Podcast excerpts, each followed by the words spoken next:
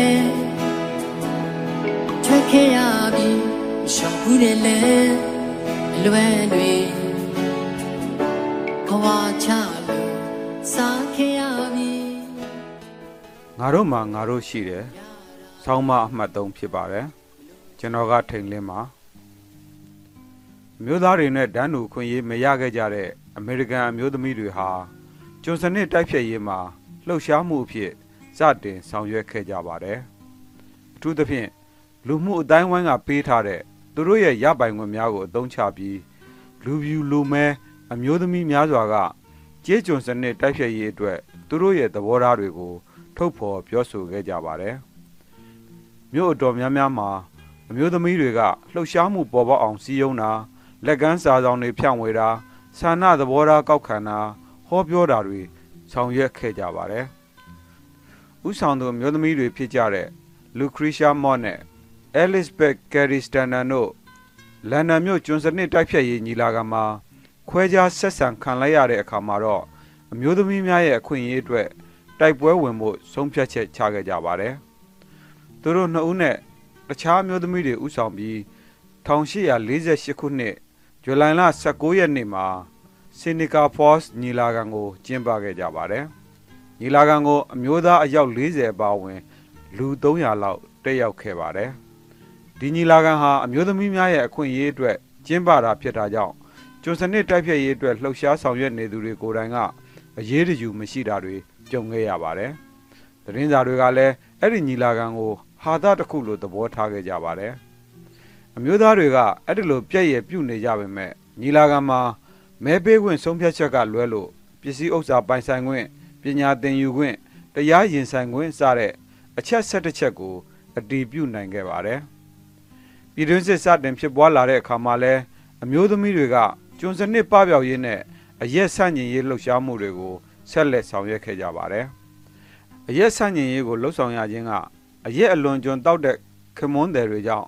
ခက်ခဲစွာရင်ဆိုင်ဖြတ်တန်းခဲ့ရတဲ့အမျိုးသမီးများရဲ့ဘဝတွေကိုခြေခံပြီးပေါ်ပေါက်ခဲ့တာဖြစ်ပါတယ်။19ရာစုအတွင်း ပေါ်ပေါက်ခဲ့တဲ့အဲ့ဒီလှုပ်ရှားမှုကအရက်ရောင်းချမှုပိတ်ပင်ရေးအထိကြိုးပမ်းခဲ့ကြပါတယ်။အရက်ဆန့်ကျင်ရေးလှုပ်ရှားမှုနဲ့မဲပေးခွင့်ရရှိရေးလှုပ်ရှားမှုတွေကိုတွဲဖက်ဆောင်ရွက်လို့ကြုံရတဲ့ဆိုးကျိုးတချို့လည်းရှိပါတယ်။အထူးသဖြင့်အရက်လုပ်ငန်းရှင်တွေကအမျိုးသမီးတွေသာမဲပေးခွင့်ရခဲ့ရင်အရက်တောက်သုံးခွင့်ကိုဆန့်ကျင်တဲ့ဥပဒေတွေပြဋ္ဌာန်းလာနိုင်တဲ့အတွက်အမျိုးသမီးတွေရဲ့မဲပေးခွင့်ကိုပါဆန့်ကျင်ခဲ့ကြပါတယ်။ပြည်တွင်းစစ်ကြီးပြီးတဲ့အခါ လူမဲမျိုးသားတွေမဲပေးခွင့်ရခဲ့ပေမဲ့အမျိုးသမီးတွေမဲပေးခွင့်မရခဲ့ပါဘူး။ဒါကြောင့်အမျိုးသမီးများမဲပေးခွင့်ရရှိရေးကြိုးပမ်းသူများနဲ့ဒန်းတူအခွင့်အရေးအတွက်ကြိုးပမ်းသူများအဖြစ်အုပ်စုနှစ်စုခွဲပြီးဆောင်ရွက်ခဲ့ကြပါတယ်။ကြိုးပမ်းမှုတွေရဲ့ရလဒ်အဖြစ်ပစ္စည်းဥစ္စာပိုင်ဆိုင်ခွင့်စာချုပ်စာတမ်းများမှာလက်မှတ်ထိုးခွင့်တွေရရှိလာခဲ့ပေမဲ့မဲပေးခွင့်မရသေးတဲ့အတွက်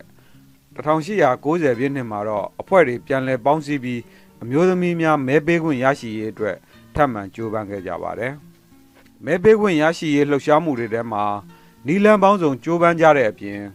ရွေးကောက်ပွဲတွေမှာဝင်ရောက်မဲပေးဖို့ကြိုးစားတဲ့လှုပ်ရှားမှုတွေလည်းရှိခဲ့ပါတယ်။1882ခုနှစ်မှာ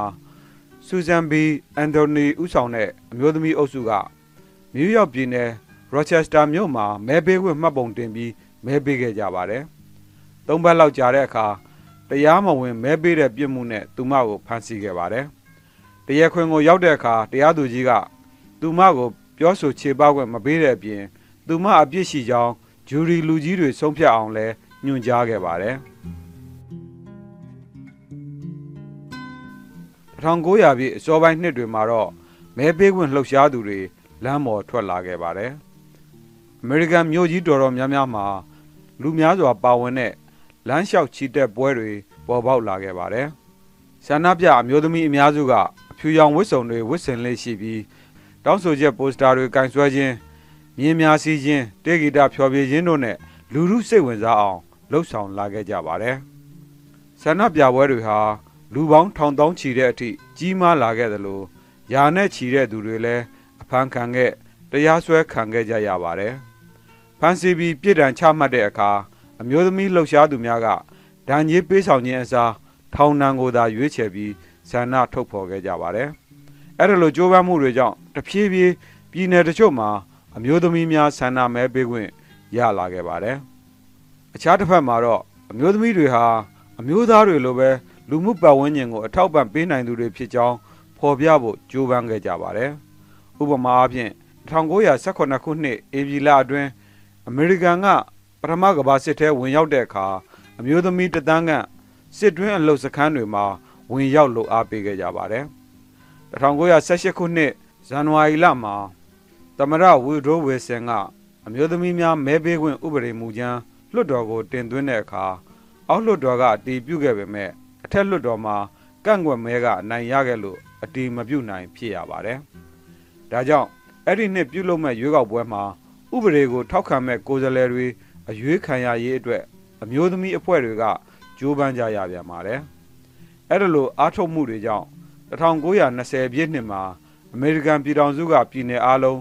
အမျိုးသမီးများမဲပေးခွင့်ရရှိခဲ့ပါတယ်။အမေရိကန်အမျိုးသမီးများကနိုင်ငံရေးမှာပါဝင်ခွင့်လုပ်ငန်းခွင်တွင်ဒန်းတူရရှိခွင့်စစ်မှုထမ်းခွင့်အစရှိတဲ့အခွင့်အရေးတွေရရှိဖို့ဆက်လက်တိုက်ပွဲဝင်ခဲ့ကြပါတယ်။ ကိုလိုချင်တဲ့ဗန်းနိုင်ကိုမဆုတ်မနစ်အရောက်သွားကြမယ်ဆိုရင်တစ်ချိန်မှာအောင်မြင်မှုမလွဲမသွေရရှိတယ်ဆိုတာကိုအမေရိကန်မျိုးသမီးများရဲ့ကြိုးပမ်းမှုမှတ်တမ်းများကသက်သေပြနေပါတယ်။ယုံကြည်ချက်နဲ့ဇွဲတတ္တိကိုဉာဏ်ပညာသွေးစည်းညီညွတ်မှုတွေနဲ့ပေါင်းစပ်ရင်အရာရာကိုကျော်လွှားနိုင်ပါလိမ့်မယ်။မစိုးရိမ်ပါနဲ့ငါတို့မှာငါတို့ရှိပါတယ်အနုချေကိုင်း